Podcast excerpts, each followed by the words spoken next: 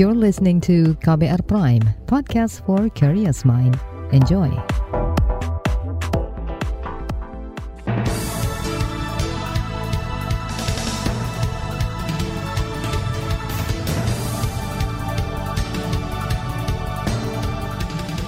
Selamat pagi saudara, senang sekali kami bisa menjumpai Anda kembali melalui program Buletin Pagi edisi Senin 27 Juni 2022 bersama saya Fitri Anggreni.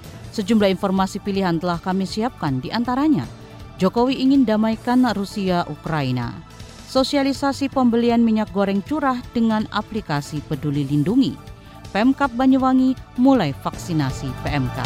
Inilah Buletin Pagi selengkapnya terbaru di Buletin Pagi. Saudara Presiden Joko Widodo membawa misi perdamaian saat berkunjung ke Ukraina dan Rusia. Kunjungan ini dilakukan di tengah situasi perang antar kedua negara. Di masing-masing kunjungan itu Jokowi akan menemui langsung Presiden Ukraina Volodymyr Zelensky dan Presiden Rusia Vladimir Putin. Misinya adalah mengajak Presiden Ukraina, Presiden Zelensky, untuk membuka ruang dialog dalam rangka perdamaian, untuk membangun perdamaian, karena perang memang harus dihentikan dan juga yang berkaitan dengan rantai pasok pangan harus diaktifkan kembali. Dari Ukraina, saya akan menuju ke Rusia untuk bertemu dengan Presiden Vladimir Putin. Sekali lagi, dengan misi yang sama, saya akan mengajak Presiden Putin untuk membuka ruang dialog dan sesegera mungkin untuk melakukan gencatan senjata dan menghentikan perang. Kemarin Jokowi sudah terbang dari Indonesia. Presiden akan terlebih dahulu menghadiri konferensi tingkat tinggi atau KTT G7 di Jerman. Jokowi mengatakan kehadirannya di sana lantaran Indonesia menjadi presidensi G20 tahun ini. Jokowi mengatakan bakal mengajak para pimpinan negara G7 mengupayakan perdamaian Rusia-Ukraina. Selain itu juga akan membahas solusi menghadapi krisis pangan dan krisis energi yang sedang melanda dunia. Kalangan parlemen berharap kunjungan Jokowi ke Ukraina dan Rusia betul-betul disiapkan secara matang. Anggota Komisi Bidang Pertahanan dan Luar Negeri Dev Laksono beralasan upaya diplomasi ini memerlukan keterlibatan banyak pihak agar misi yang dibawa Presiden bisa tercapai. Bahwa TNI dan khususnya di sini Pas Pampres bekerjasama dengan BIN dan juga instansi lainnya eh, dapat eh, memastikan kunjungan tersebut dapat berlangsung dengan baik dan tidak ada kendala Eh, bahkan bermanfaat bagi semuanya. Anggota Komisi Bidang Pertahanan dan Luar Negeri Dev Laksono menyebut perang kedua negara tidak hanya merugikan Rusia dan Ukraina, tetapi juga menyulitkan kehidupan banyak orang di seluruh penjuru dunia. Sebab konflik itu berdampak domino ke segala aspek mulai dari pangan, energi, hingga stabilitas ekonomi dunia. Bekas Wakil Menteri Luar Negeri Dino Jalal menyarankan Presiden Jokowi membawa konsep perdamaian yang jelas saat mengunjungi Ukraina dan Rusia. Salah satunya mengenai konsep perundingan. Dino mengusulkan Jokowi tidak menggunakan bahasa yang umum dan filosofis saat menjadi juru damai, namun menggunakan bahasa lapangan yang lebih praktis. Indonesia dapat mencoba menjembatani pertemuan Presiden Putin dengan Presiden Zelensky secara fisik, secara langsung. Ini penting karena sejak konflik ini berlangsung, Presiden Putin dan Presiden Zelensky masih belum pernah berbicara, belum pernah bertemu. Padahal Presiden Zelensky sendiri sudah menyatakan siap untuk bertemu dengan Presiden Putin dalam suatu pertemuan tanpa syarat. Jadi kalau Presiden Jokowi bisa mendapatkan komitmen eh, dari kedua presiden ini untuk melakukan hal ini, ini ini merupakan suatu terobosan yang sangat luar biasa.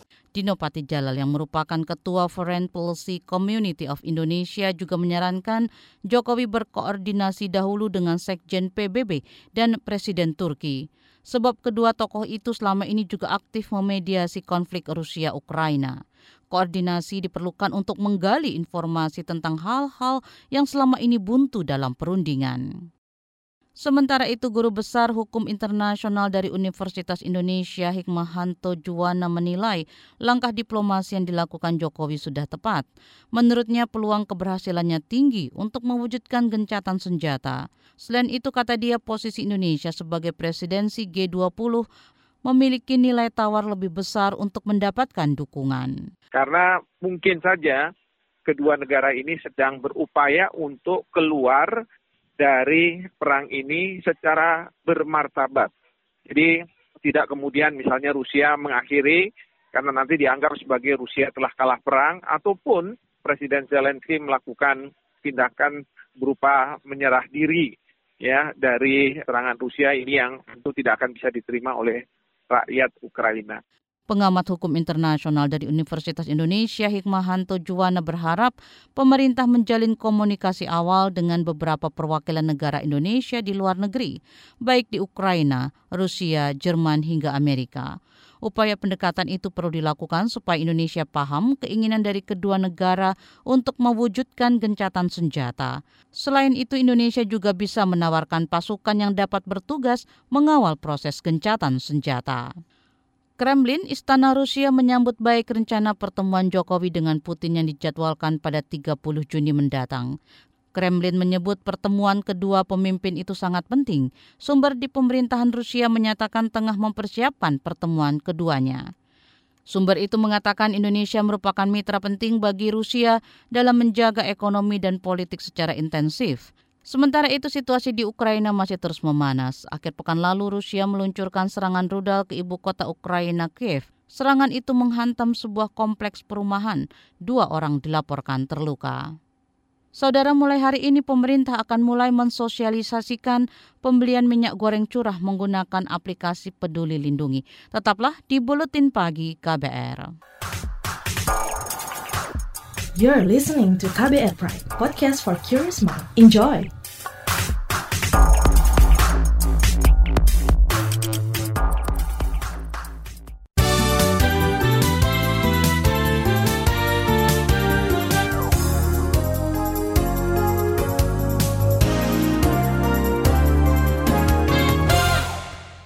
Epidemiolog dari Universitas Indonesia Tri Yunis Miko meminta pemerintah menentukan batas bahaya pandemi COVID-19 sebab dalam beberapa hari terakhir tren penambahan kasus meningkat.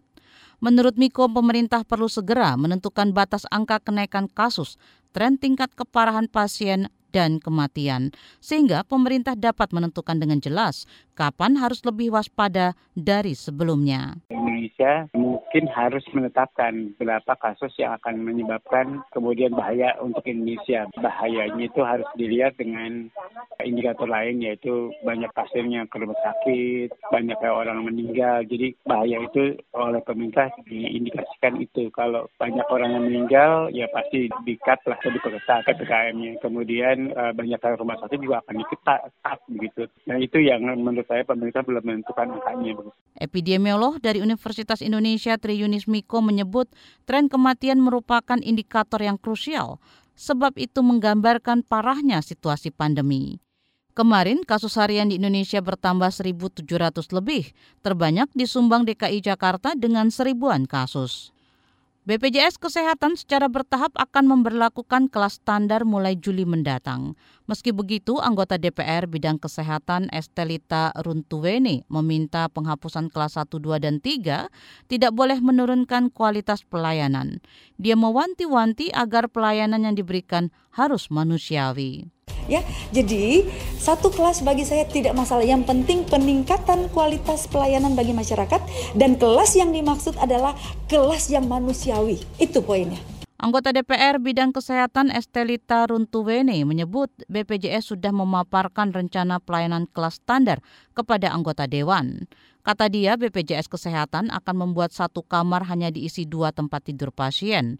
Di setiap kamar juga akan diberi fasilitas bagi keluarga yang menjaga pasien. BPJS Kesehatan kelas standar diberlakukan mulai Juli untuk belasan rumah sakit vertikal. Selanjutnya akan diperluas ke beberapa rumah sakit lainnya. Kita beralih ke informasi politik.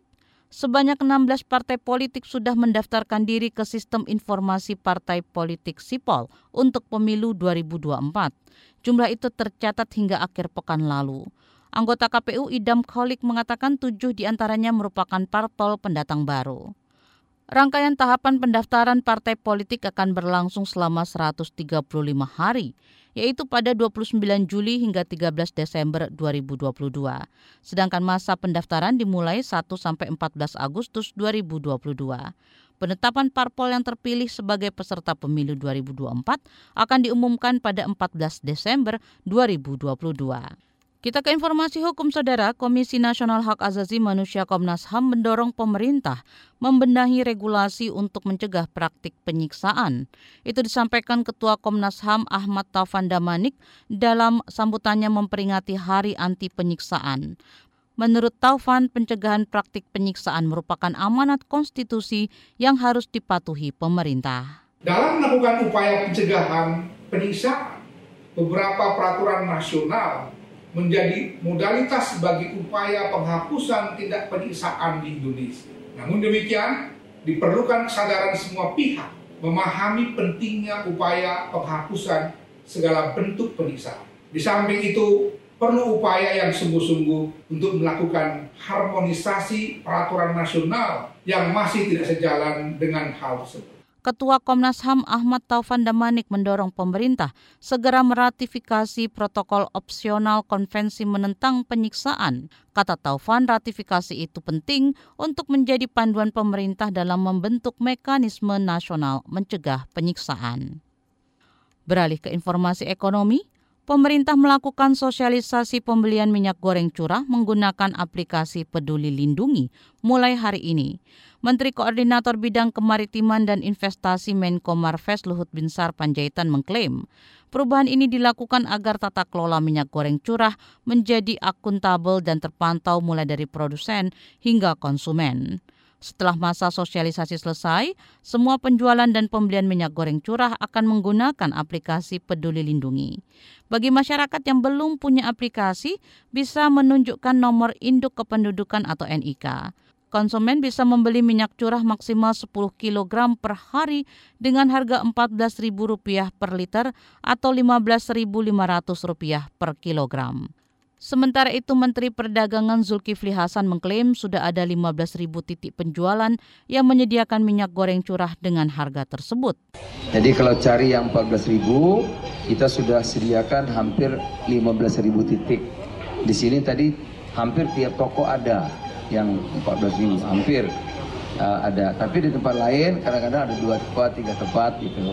Nah saya Alhamdulillah sekali lagi teman-teman juga menyaksikan curah 14.000 liter per liter atau 15.500 per kilo tersedia nggak ada lagi yang antri. Itu tadi Menteri Perdagangan Zulkifli Hasan. Kita ke informasi mancanegara. Empat negara anggota kaya G7 akan melarang ekspor emas ke Rusia. Empat negara itu adalah Inggris, Kanada, Jepang, dan Amerika Serikat. Langkah ini diambil untuk menghentikan oligarki Rusia membeli logam mulia. Upaya ini dinilai makin memperparah dampak sanksi terhadap Rusia. Dilansir dari AFP, Perdana Menteri Inggris Boris Johnson mengatakan langkah ini akan menutup komoditas dari pasar internasional formal sebab peran Inggris sentral dalam perdagangan emas internasional, apalagi diikuti oleh Amerika, Jepang, dan Kanada. Emas menjadi ekspor utama bagi Rusia pada tahun lalu. Tiongkok untuk pertama kalinya mengoperasikan penuh pembangkit listrik tenaga nuklir PLTN. Dilansir dari antara pembangkit itu berada di Provinsi Liaoning, Cina Timur Laut. PLTN itu menerima kualifikasi untuk operasi komersial. Ini menandai tonggak penting dari semua enam unit PLTN itu beroperasi secara penuh. PLTN itu berkapasitas terpasang lebih dari 6,7 juta kilowatt. Beralih ke informasi olahraga, Pembalap Ducati Francesco Bagnaia memenangi MotoGP Belanda 2022 kemarin malam. Bagnaia praktis memenangi lomba ini tanpa perlawanan berarti dari rivalnya Fabio Quartararo. Dia gagal finish usai terjatuh dua kali saat balapan. Alex Espargaro juga tak memberi perlawanan. Dia kehilangan banyak posisi usai melebar saat Quartararo jatuh. Podium yang diraih Bagnaia sekaligus menjadi kemenangan pertama Ducati di Asen sejak Casey Stoner menjuarai balapan pada 2008. Kemenangan ini membuat Bagnaia naik dua strip dari urutan ke-6 menjadi peringkat keempat, sementara posisi puncak masih dihuni Quartararo diikuti Espargaro. Tim wanita dihajar 0-6 saat pertandingan uji coba perdana melawan PSF Akademi U16. Pertandingan digelar di Pancoran Soccer Field, Jakarta kemarin. Pelatih Kepala Timnas Wanita Rudi Eka Priyambada menilai penampilan para pemain belum memenuhi ekspektasi. Menurutnya kekompakan tim belum terbangun karena baru beberapa hari menggelar pemusatan latihan. Uji coba ini dilangsungkan untuk persiapan menjelang Piala AFF Wanita 2022 yang akan digelar di Manila, Filipina. Sebanyak 26 pemain tengah menjalani pemusatan latihan yang digelar di Jakarta hingga 30 Juni 2022. Di bagian berikutnya kami hadirkan laporan khas KBR bertajuk Kopi Kertov, secangkir kisah perjuangan dan nasionalisme dari Gayo. Nantikan sesaat lagi. You're listening to KBR Pride, podcast for curious mind. Enjoy!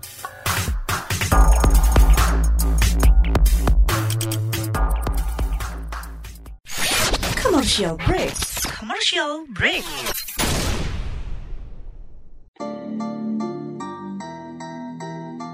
Come on yo.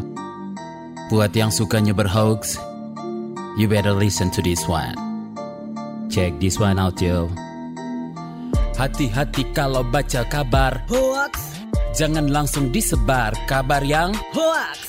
Kalau mau tahu kabar benar atau Hoax. Dengerin cek fakta yang pasti bukan Hoax. Dengerinnya setiap Senin yang jelas bukan Hoax. Cuma ada di kbrprime.id.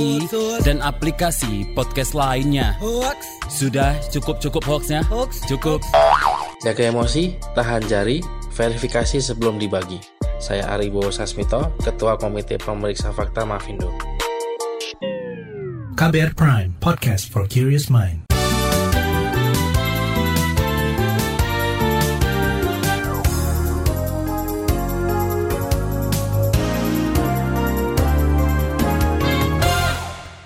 Anda masih bersama kami di Buletin Pagi KBR.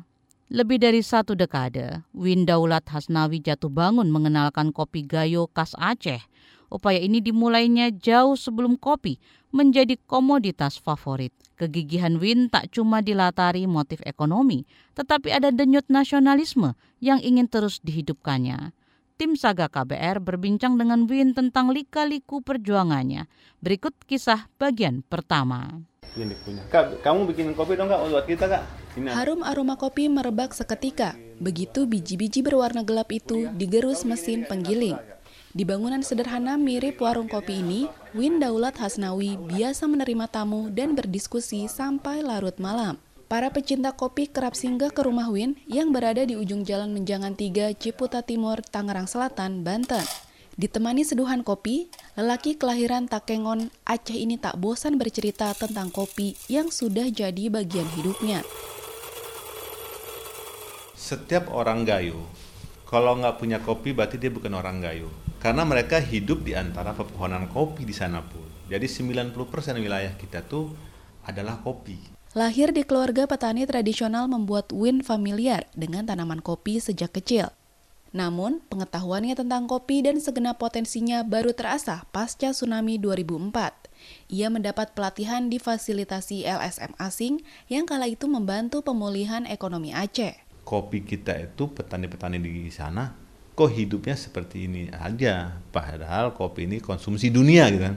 Aku ingin tahu lagi kepada LSM tuh kalau ada bantuan aku mintanya bagaimana diajarin tentang keilmuan kopi dari mulai hulu sampai hilir. Pria 48 tahun ini belajar cara mengolah kopi dengan standar internasional. Gurunya dari Meksiko, aku belajar secara keilmuan, secara tulisan dari Meksiko. Saya ditantang harus bisa merosting kopi gayo sebanyak satu ton. Dengan harus ditulis, sehingga mengerti bagaimana proses sangrai yang benar. Win jadi paham, kopi produksi petani lokal dihargai murah karena kualitasnya rendah. Ketika ilmu itu ada di situ kampung kan sudah karena orang tua kita sudah biasa jemur pinggir aspal aja.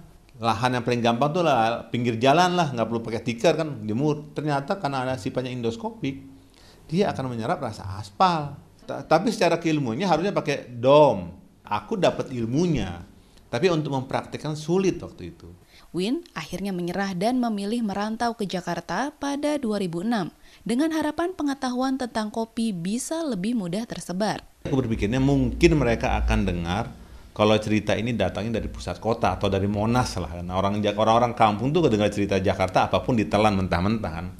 Win mendatangkan 10 ton biji kopi mentah atau green bean dari kebun keluarganya ke Jakarta. Namun sialnya warga ibu kota justru belum mengenal kopi. Orang Jakarta lebih nggak tahu kopi. Orang green bean itu masih dibilang kacang hijau Bangkok. Lalu kopi masih dibilang rasanya pahit gitu kan. Itu awal daripada saya memperkenalkan kopi di Jakarta. Waktu itu fokusnya masih kopi gayo. Kepalang tanggung, Win nekat bergerilya menawarkan kopinya dari warung ke warung. Ia bahkan berani mendirikan brand kopi spesial bernama Kertuf.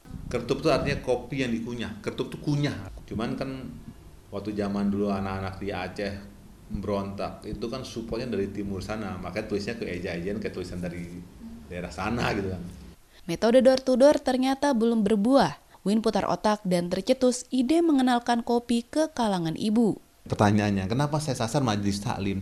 Kayak saya yakin banget di Indonesia, pagi-pagi itu yang bikin kopi bapak itu ibu-ibu. Jadi saya nggak jangan edukasi bapaknya dulu. Edukasi ibunya bahwa ini kopi terbaik cara bikinnya dia akan coba bikinkan buat bapaknya dipaksakan pasti. Strategi pemasarannya pun disesuaikan dengan minat dan kebutuhan para ibu. Minimal ibu-ibu itu tertarik dulu dengan kopinya. Kopi itu green kopi itu obat diet. Wah ibu-ibu ini nggak suka gemuk kan, sukanya langsing-langsing. Cara satunya adalah minum green kopi. Aku bikin tuh bubuk kopi yang biji mentah dibubukin kasih ke ibu-ibu. Dua tahun kemudian jerih payah Win terbayar.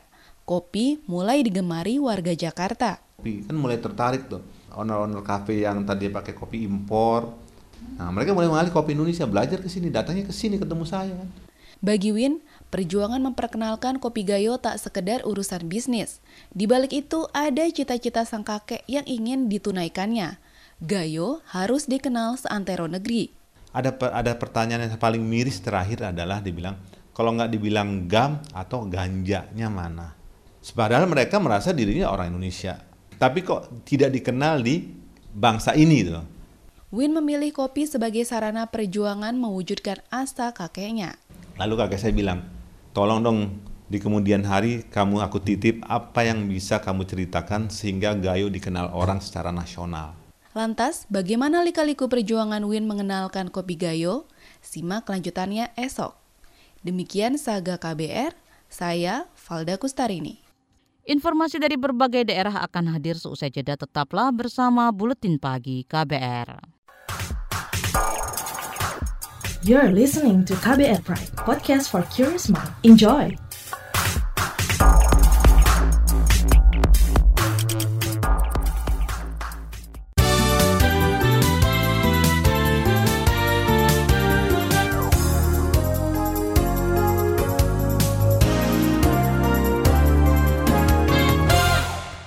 Inilah bagian akhir dari buletin pagi KBR. Dari Jakarta, seorang ibu asal Sleman, Yogyakarta bernama Santi membawa anaknya yang mengidap kelainan otak ke area Car Free di CFD Jakarta. Santi mendorong anaknya yang bernama Pika menggunakan kursi dorong.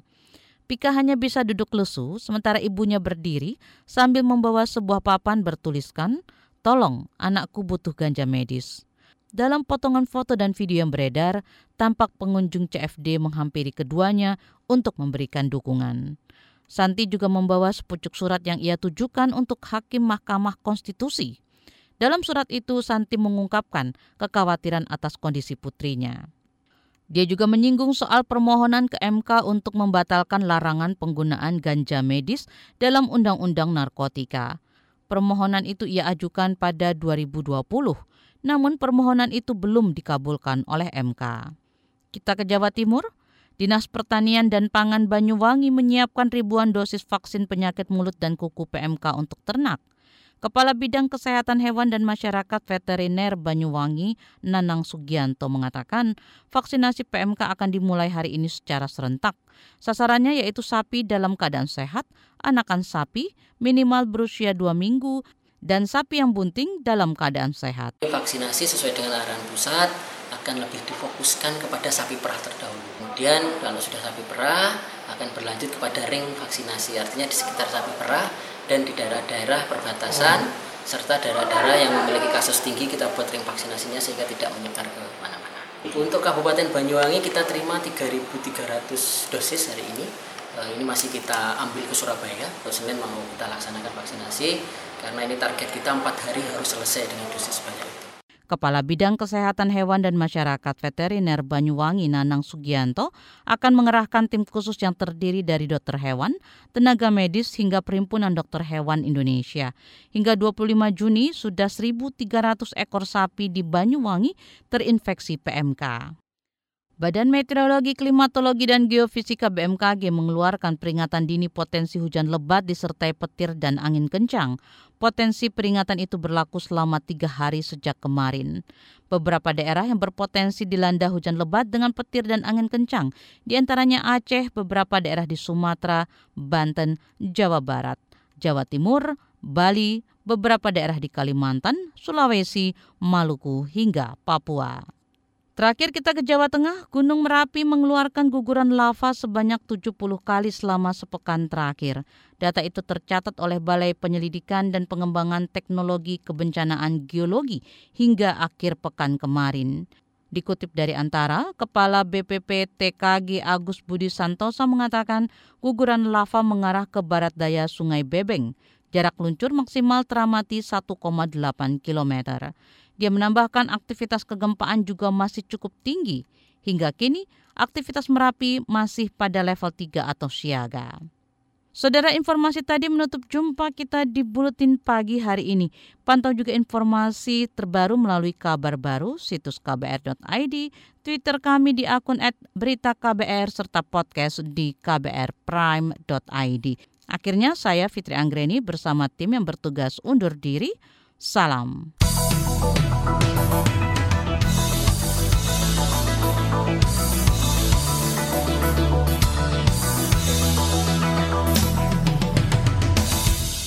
KBR Prime, cara asik mendengar berita. KBR Prime, podcast for curious mind.